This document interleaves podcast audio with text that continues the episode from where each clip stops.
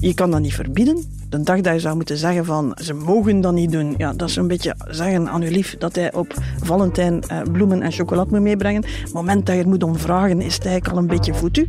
In het eerste punt van 2024 wil ik wel eens vooruitblikken op een cruciaal jaar voor de Belgische politiek. Ik doe dat op de redactie van het Nieuwsblad in Antwerpen met hoofdredacteur Liesbeth van Impe. Dag Liesbeth. Dag Jeroen. En met chef politiek Hannes Hendricks. Dag Hannes. Dag Jeroen. Ik ben Jeroen Roppe. Dit is de politieke podcast van het Nieuwsblad. Het punt van Van Impe.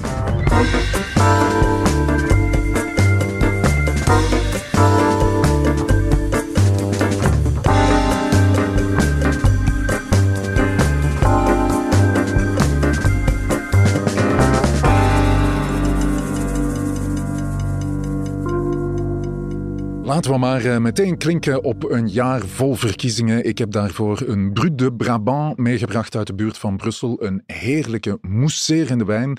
Uh, gezondheid, mijn beste wensen, Lisbeth en Hannes. Beste wensen. Ja, op een goed uh, nieuw jaar. Een jaar uh, waarin het punt van Van Impe ook te zien en te horen zal zijn op YouTube.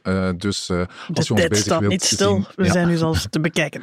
Het wordt een jaar vol verkiezingen. Ik heb er vijf geteld. Vier in uh, juni en één in oktober. Ik kom Wacht, aan vier in juni, Ja? uh, want uh, ik ga stemmen voor het Europees Parlement, het Belgisch Parlement, het Brussels Parlement. En ik mag ook stemmen voor het Ah, ja. Vlaams Ah, ja, Parlement. Ik ga ja. dat ook doen, want uh, we hebben het hier Ja. elke week hè, over Je bent er dan wel één vergeten voor ons ook, hè? de provincieraadsverkiezingen. de provincieraden. Ja, En hey, ik heb districtsverkiezingen in Antwerpen. Ik, ben, ik, ja, ben, ik heb er meest van allemaal. dat wordt een uh, druk jaar 2024. We maken er een punt over vandaag. En uh, Lisbeth, ik heb aan jou moeten denken, want uh, dat doe ik altijd. ik hoop dat geen pijn deed. Ik doe dat altijd wanneer Charles Michel in beeld komt. En, Dat Michel, begrijp ik. Michel was heel nadrukkelijk in beeld, want hij is nog president van Europa, maar niet voor lang. Ik dacht, Lisbeth die zal tevreden zijn, maar ben je dat ook? Kijk, met het eindresultaat, namelijk dat Charles Michel geen president van Europa meer zal zijn, dat vind ik eigenlijk een... Uh, daar ga ik gerust van slapen. Uh, maar de manier waarop was wel weer...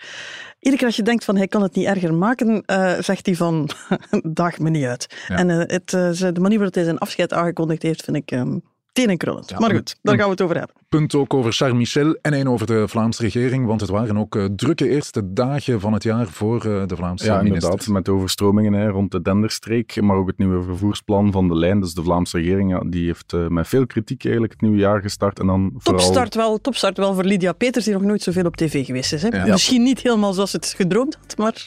Ja, Inderdaad. Brut de Brabant uit de provincie van Charles Michel, trouwens, Waals-Brabant, op een goed We zullen politiek deze. Brut niet te hard aanrekenen dat hij van dezelfde streek is. Today is an exceptional day for the European Union. And today, probably, we have mixed feelings. It's never a happy moment when someone leaves, but we are opening a new chapter.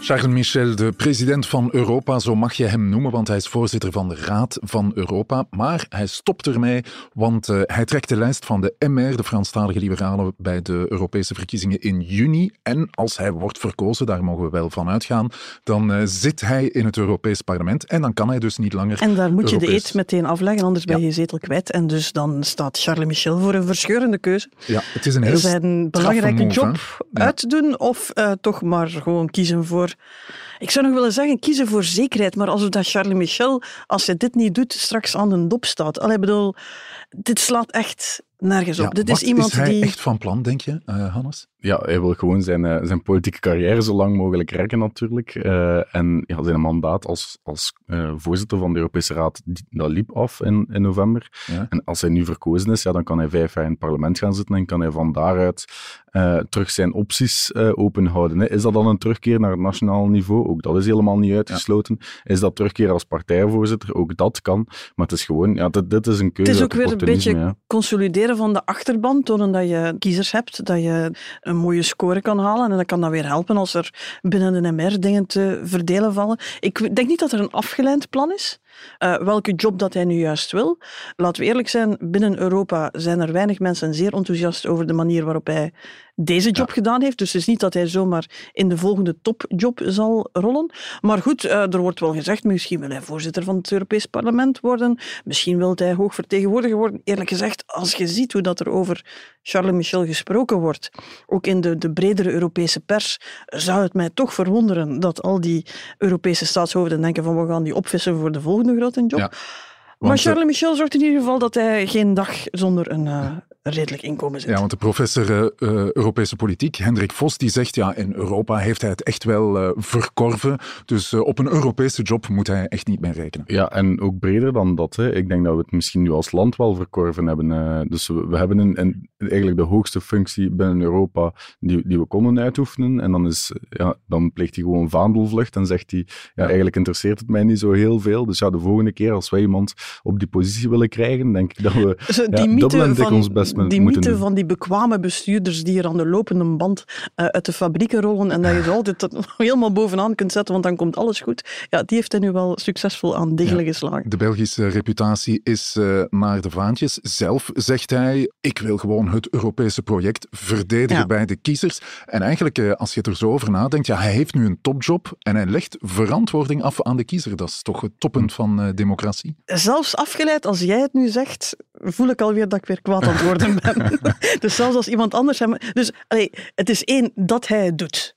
Ja. Zo'n belangrijke functie ehm, op zo'n belangrijk moment. Ik bedoel, je kan moeilijk zeggen dat het wereldwijd rustig varen is en dat iedereen wel, eh, ja, dat alles wel goed komt. Maar dat hij dan ook nog eens de schaamteloosheid heeft om te zeggen: ik zoek democratische legitimatie van het project. Ik wil, met, eh, ik wil verder bouwen aan Europa. Maar misschien wil ik ook terug naar België. Het is allemaal zo schaamteloos. Het is, ja. Ja, jij hebt altijd gezegd, Lisbeth, eh, in deze podcast, ehm, eh, ja, je hebt altijd heel zwaar uitgehaald naar eh, Ik heb hem altijd een van de Eh, meest overrated politici gevonden Ja. die in dit land ooit rondgehuppeld Deed heeft. hij het dan echt zo slecht als eh, president van Europa?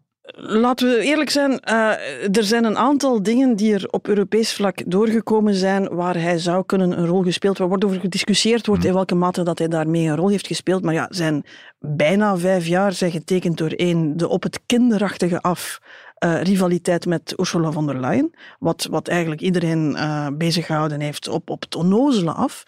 Eh, en het verwijt dat vanuit de regeringsleiders komt. En dat zelfs op een van die toppen openlijk gezegd is. Ik dacht dat door de Deense premier was van wat hij eigenlijk moet doen, zijn de, die, die, die staatshoofden, die regeringsleiders, tot een soort van compromis-consensus bewegen tijdens die raden, door dat goed voor te bereiden, door daar te onderhandelen, door te bebiddelen, door dat te laten vooruitgaan.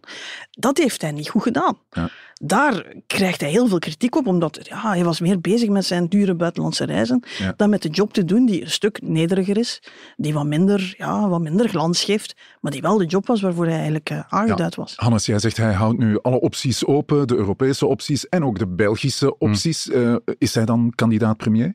Wel, kandidaat premier, ik denk in zijn hoofd zeker wel. eh, dat hij altijd kandidaat Ja, want hij is. heeft al die ervaring Ja, op voor het de- hoogste niveau. Voor de rest van zijn leven. Maar ik denk een fundamenteel probleem bij de MR is dat ze te veel kopstukken hebben Ja. voor posities die ze nog kunnen eh, verdelen. Je ziet dat nu ook. Didier Reiners is, eh, zit in die Europese Commissie. Die mag dan de Europese lijst niet trekken, want Michel trekt die. Eh, dat komt natuurlijk allemaal voort uit de periode onder de regering Michel, waarbij dat ze ja, door eh, taalevenwicht de helft van de ministers moesten leveren. Dus daardoor hebben ze ook Sophie Wilmes, eh, loopt daar nu ook Mathieu Michel rond. Dus de- het is echt een wildgroei aan, aan kopstukken eigenlijk. Over de kwaliteit valt inderdaad te discussiëren. Eh, maar die moeten nu wel overal ergens terechtkomen. En dus die zijn elkaar van die lijsten aan het duwen. En dus ja, als dan de vraag komt wie is eh, kandidaat premier voor de MR, dan denk je dat je drie antwoorden hebt. Dat is Georges-Louis Boucher zelf, die staat te kloppen Ja. aan de deur. Sophie Wilmes, die de populairste politica in Wallonië is. En Charles Michel, die dat ook sowieso zal willen opeisen. Ja. Als natuurlijk de MR de premier kan binnenhalen, want dat is helemaal niet zeker. Oké, dit is eh, niet goed voor ons land, hoorde ik eh, je zeggen, Hannes. En eh, ook niet goed voor de politiek misschien, voor het imago van de politiek. Ja, en ook vooral voor de liberalen, denk ik. Ik denk dat de Vlaamse liberalen eerst al bewezen hadden dat ze postjes boven de inhoud zetten met de move van Gwendoline Rutten en Bart Somers. En nu dachten de Waalse liberalen, wij kunnen eigenlijk nog beter. Ja, we we waren al bezig. Hè, van, ja, het is natuurlijk niet gek dat mensen ja, inschattingen maken en, en, en ook met een eigen carrière in het achterhoofd zitten. We vragen niet dat ze, dat ze heiligen zijn. Hè. Maar je hoort nu ook dat argument van ja, Charles Michel was eigenlijk te jong. Eh, want als je zo'n jonge man daar op die positie zet, ja, dan is hij bezig met de Met zijn carrière, carrière. daarachter. Ja. Hij is ongeveer en mijn dat leeftijd. had een Herman van Rompuy bijvoorbeeld niet. Die was uh, fan de carrière. Ja, maar kunnen we het af en toe nog eens hebben over de Respublica, over de verantwoordelijkheid die je opneemt, over de belofte die je doet aan een kiezer, aan een burger, over het project dat je ondersteunt en waarvan je de hele tijd aan het zeggen bent dat het zo verschrikkelijk belangrijk is, dat het je voelt hier, dit is een soort van normvervaging. Uh, dus eigenlijk ja, is het gek dat we dat aan politici zouden moeten vragen. Maar eigenlijk is de simpele vraag: neem jullie eigen mandaten toch een beetje serieuzer? En daar zegt Charles Michel op: hold my beer, ik zal eens doen wat nog niemand gedaan heeft. Ik schep een president en ik ga helemaal voor mezelf. Ja, dat is een duidelijk eerste punt. Politici, neem je mandaat serieus. En dat is niet wat eh, Charles Michel doet. Hij pleegt vaandelvlucht en dat is uh, niet goed voor ons land en voor het imago van de politiek. Inderdaad. En dus, uh, het is Charles Michel op de eerste, tweede en derde plaats. Het punt van Van Impe.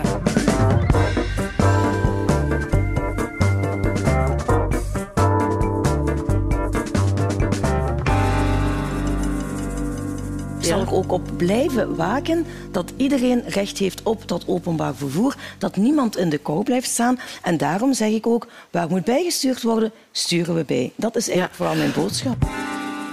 Minister van Mobiliteit Lydia Peters over het nieuwe mobiliteitsplan van de Vlaamse regering. Bedoeling is het openbaar vervoer efficiënter te maken, want op sommige plaatsen zit er te veel volk op de bus en uh, op de tram ook, en op andere plaatsen zo goed als niemand. En daarom verdwijnen heel wat haltes en breiden ze het systeem van de flexbus uit. Maar zo flex is die flexbus uh, nu ook weer niet. Daar hoor ik nu nog verschillende geluiden van. Dat het vooral heel moeilijk is om hem te boeken. Totaal niet gebruiksvriendelijk. Je moet een app en dan vind je het niet. En je moet al zeer en je moet ook lang op geletterd voorhand. zijn. Ja. En dan een gele briefkaart. En er komt een postduif die zegt wanneer dat ze komt. En de keer dat hij besteld is, hoor je, hoor je ook goede dingen. Laat, Ja. ons, laat ons niet alles de grond inpraten. Maar, Maar goed, je zal maar bij een van de afgeschafte haltes wonen of werken, ehm, dan, eh, ja, dan ben je wel gezien. Hè? Ja, 3200 zijn het er, hè? eh, afgeschafte haltes. Dus Ja. dat zijn er wel wat, hè? verspreid over heel Vlaanderen, maar vooral in de plattelandsgemeenten. Eh, dus in de steden stelt het probleem zich niet echt. Maar ja, op het platteland zijn er wel veel mensen. En dat is dan, dat zijn vaak de, de meest kwetsbare mensen. Die ver weg wonen en die met een rollator nu eh, een kilometer moeten wandelen om aan een eh, eh, bushalte ik, te ik, geraken. ik dacht dat ze ook een step konden nemen. hè. Onze, alle alle Ja. hoogbejaarden op de step. Dat gaat geen accidenten geven. Is dat het probleem? Gaat het hier om het verschil stad en eh, provincie? Is dat ehm, nu eenmaal ja, hoe op, we- Vlaanderen we- georganiseerd is? En we dat moeten ge- genuanceerd kijken naar wat ze nu doen. Ehm, deze legislatuur is er niet zwaar bespaard op de lijn. Ja. Eh, we zijn het nog aan het uitzoeken voor een, Ja. voor een stuk, maar Ja, de personeelskosten zijn geïndexeerd, maar de werkingsmiddelen niet. En een niet-indexatie van werkingsmiddelen is altijd een is ook altijd een besparing. besparing. Maar de twee legislaturen ervoor is er wel serieus bespaard. En je zit dus op een punt dat de lijn eigenlijk al rammelend uiteen aan het vallen is. Hè. Ik bedoel, ze hebben te weinig personeel, ze krijgen de vacatures niet ingevuld, het materieel is verouderd, is slecht onderhouden, ze zitten met heel veel infrastructuurproblemen.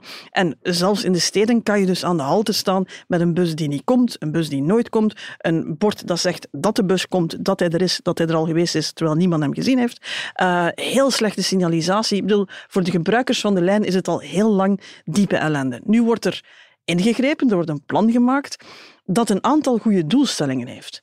Wanneer is openbaar vervoer aantrekkelijk? Als je op een redelijke termijn van punt A naar punt B geraakt. Dat het dus de moeite loont om de auto te laten staan Ja. om eh, ergens te geraken. Een bus die heel veel haltes aandoet, iedere tuinwijk binnenrijdt om daar eh, een, een halte te passeren waar dan niemand staat, die verliest natuurlijk ook tijd. Dus je zou kunnen zeggen, er valt iets te zeggen voor duidelijker rechterlijnen waar doorgereden kan worden en waar je een treffelijke tijd kan maken voor de mensen Ja. die het openbaar vervoer echt gebruiken. Dus hij heeft voordeel en dan weet je, iedere halte die je afschaft, daar gaat protest rond zijn, ook van mensen die, de- die ze niet of nauwelijks Ja. gebruiken. Dat is een fase waar je door moet. Maar ja, je beklemtoont wel opnieuw dat ja, in ons verrommeld Vlaanderen, waar iedereen maar zo'n beetje ja, gaat wonen waar je wil gaan wonen, dat het verschrikkelijk moeilijk is om dan ook in dat ruraal gebied openbaar vervoer op een beetje efficiënte manier te organiseren. Ja, want dat hoorde ik ook een eh, mobiliteitsexpert eh, zeggen, Willy Meermans, die zegt, eh, ja, voor 95% van de mensen is dit eigenlijk een goed plan. Wel ja, de filosofie erachter, ik denk dat bijna alle partijen die wel volgen, hè, dat je tussen Ja. die woonkern gewoon snellere verbindingen nodig hebt. Het probleem zit hem in het uitrollen van het plan, dat volgens zelfs de eigen coalitiepartners van Peters gewoon te snel is gegaan. Ja. Ehm, dus je, je hebt die lijnen Die vers- hebben nu ook een beetje een schrik gepakt, denk ik. Hè? Van, ze willen duidelijk maken dat het Lydia Peters en niemand anders is. hè. Uiteraard, eh, dat is waar. Maar dit plan was al verschillende keren uitgesteld, net omdat ja, je moet daar ook wel wat middelen voor voorzien, om dan die flexbussen eh, te, te voorzien. En dat, is gewoon, dat staat gewoon nog niet op punt. Er is jarenlang veel te weinig geld naar de lijn gegaan. eh, Er is gedesinvesteerd, zelfs serieus bespaard. Ja. Onder, eh, onder Krevits en onder eh, Ben Wijts Ja. is er serieus het... eh, en we weten dat er heel weinig liefhebbers van, van de lijn in, in die Vlaamse regering zitten. Hè. Ik bedoel, wat was het, een jaar geleden een discussie met de topvrouw van de lijn, Hans Schoeps en, en, en, en Lydia Peters, waar eigenlijk meteen dan gedreigd wordt van ja, we kunnen dat hier ook privatiseren. Hè. We weten dat de N-VA ook geen grote fan is van de lijn. Ja, dat is een beetje het, het, het lot van openbaar vervoer in Vlaanderen, dat daar heel veel lippendienst aan bewezen wordt, maar dat er eigenlijk heel weinig liefde aan verloren gegaan is. Ja, minister Peters is ook eh, verantwoordelijk voor openbare werken. De infrastructuur eh, in Oost- en West-Vlaanderen volstond duidelijk niet de afgelopen weken om de overstromingen Ja. tegen te gaan. Hè. Ja, Eh, daar is het voorbije jaar ook mee in de aandacht gekomen, Ja. in de pers gekomen. Dus enerzijds de, de overstromingen daar in de Westhoek, ehm, ja, waarbij inderdaad de infrastructuur onvoldoende blijkt. En nu eh, exact hetzelfde in de, in de Dendervallei. Hè. Dus die sluizen daar. De Vlaamse regering heeft eh 15 jaar geleden al gezegd dat ze die gingen aanpakken, eh, gingen vervangen. Dat was broodnodig. In Wallonië is dat wel gebeurd. En in Vlaanderen blijkbaar niet. Dus ja, Lydia Peters verwees dan wel naar één natuurorganisatie die één sluis heeft aangevochten, maar de andere sluizen, daar heeft ze niet eens een vergunning voor Dat aangevraagd. was ook redelijk cynisch. Hè? Ja. Dan blijkbaar hebben, ik ken dat dossier nu niet zeer goed, maar blijkbaar, ik hoor van iedereen dat die natuurvereniging relatief goede argumenten had. En dan ja, ga je het zomaar zo droppen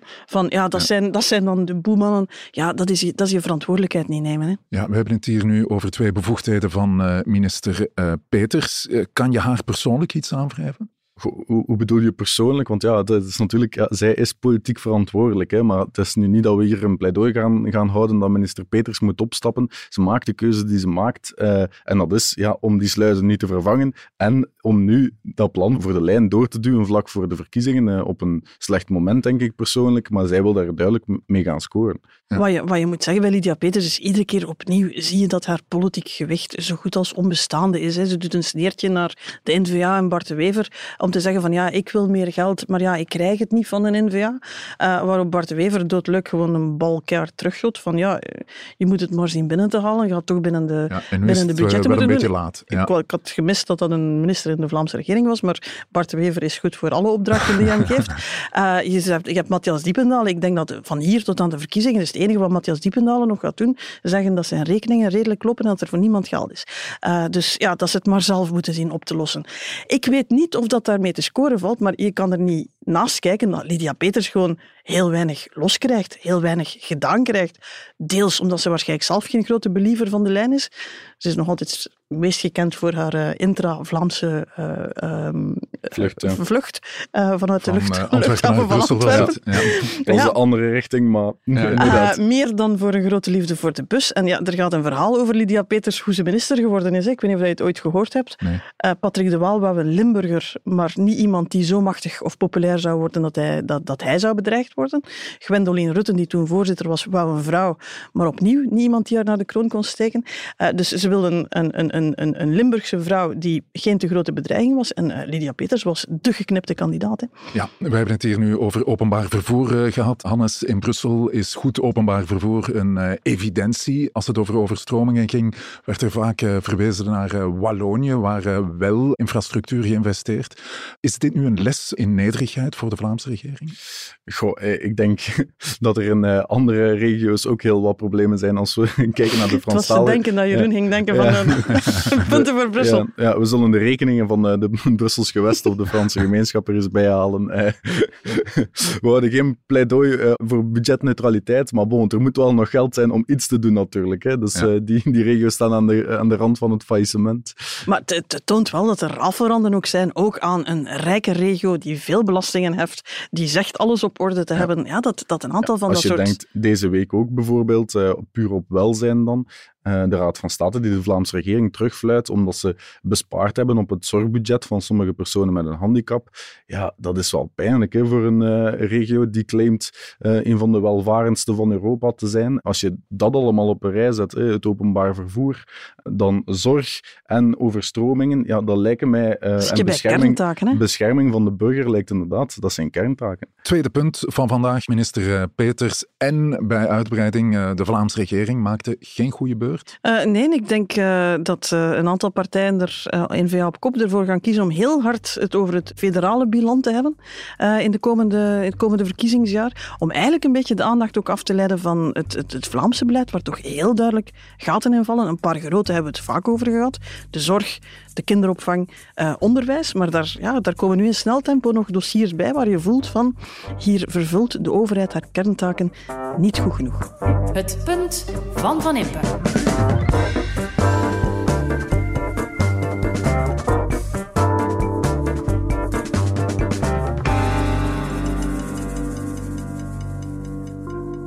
Ik snap niet waarom men heel velen dat eigenlijk nu een evidentie vinden dat het minstens een half jaar zou moeten duren om een regering te vormen. Ik ben het er eigenlijk niet mee eens. En, en de hoofdreden waarom het best wel snel moet gaan is, er zal een begroting moeten klaarliggen voor 2025.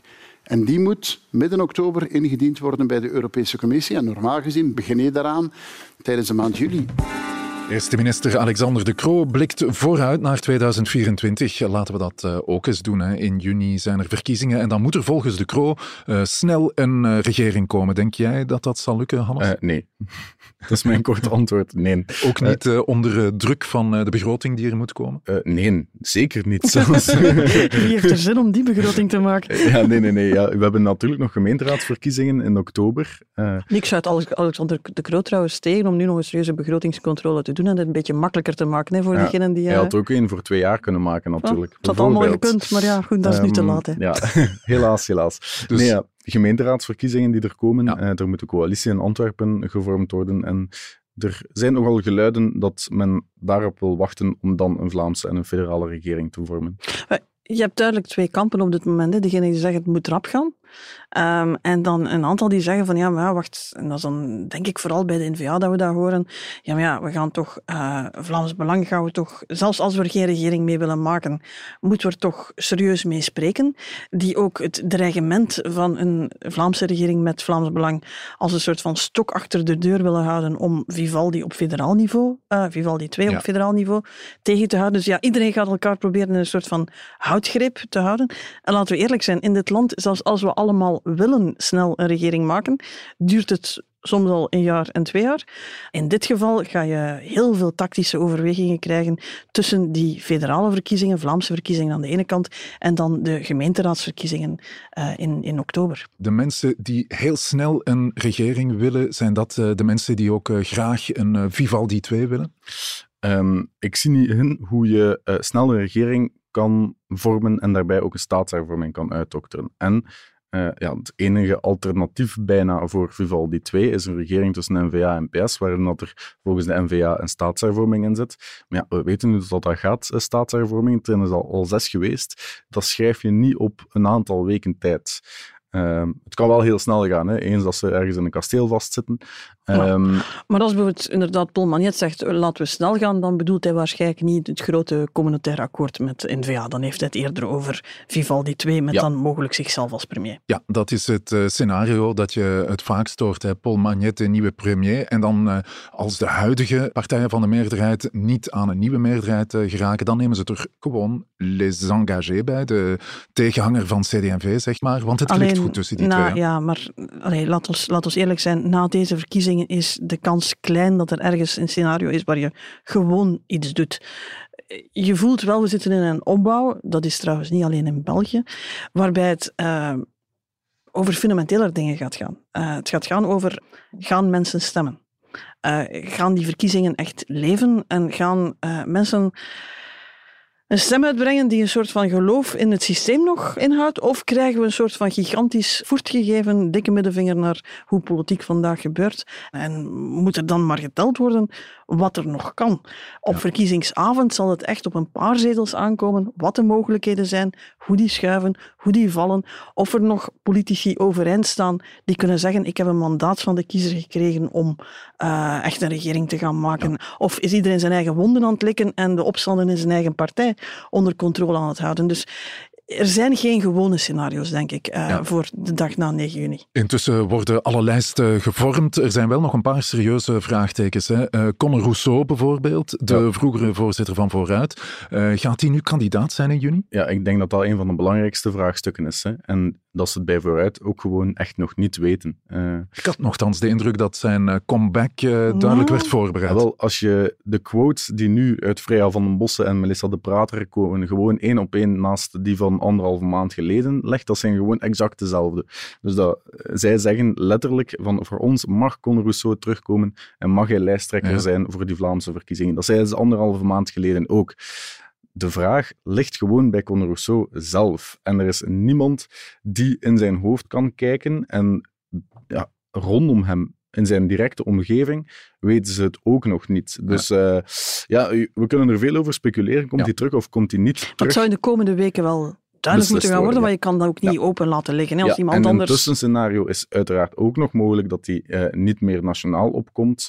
Uh, maar wel nog de lijst voor de gemeenteraadsverkiezingen in, oktober, in Sint-Niklaas trekt. Dat kan wel. Ja, we zijn uh, trouwens niet de enige hè, dit jaar. Uh, ik las dat zo'n 40% van de wereldbevolking in 2024 gaat stemmen of kan het, gaan stemmen. Het is het verkiezingsjaar ja. wereldwijd. En ja, een paar belangrijke Europese verkiezingen. We beginnen bij Taiwan. Ja, dat zijn de eerste.